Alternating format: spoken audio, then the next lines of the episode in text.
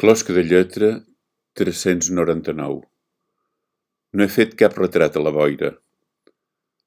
La maquinària no es posa en marxa.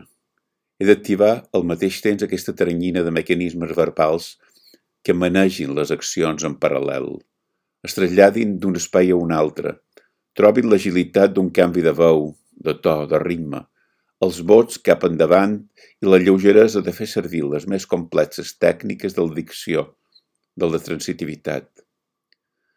Volia caçar fins la més mínima vibració lluminosa i només descobria un caramull de fosques sense replecs ni fractuositats, seques, podrides, insípides. Encent i enceflet suós, ple de tortes i revolts, ple de cissures, que no es poden veure a simple vista. Necessito un estol de llans il·luminadors que em facin respirar aquest espai invisible que m'envolta i que no sé l'anar de cap manera.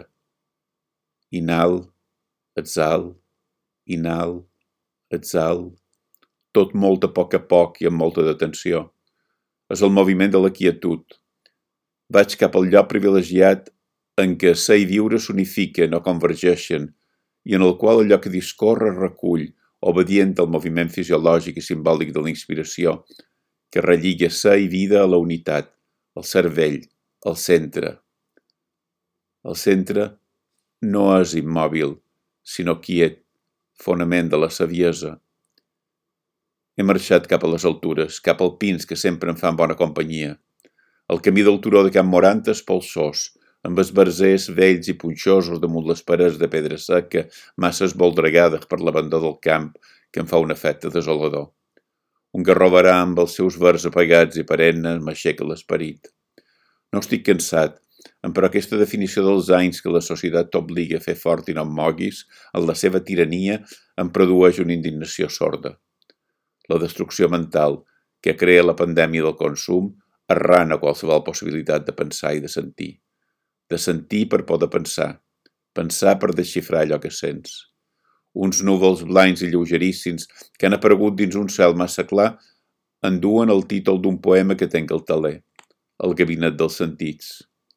Per una rara coincidència o un atzar concurrent, cop en sec, em ve davant per davant el món angoixat en què vivim, en revoltats de destruccions immenses de tota aquesta, i on ens trobam moltes de vegades inermes i castigats en excés, però al mateix temps he arribat quasi sense temer-me'n, mentre feia passes dins el bosc, a una clariana.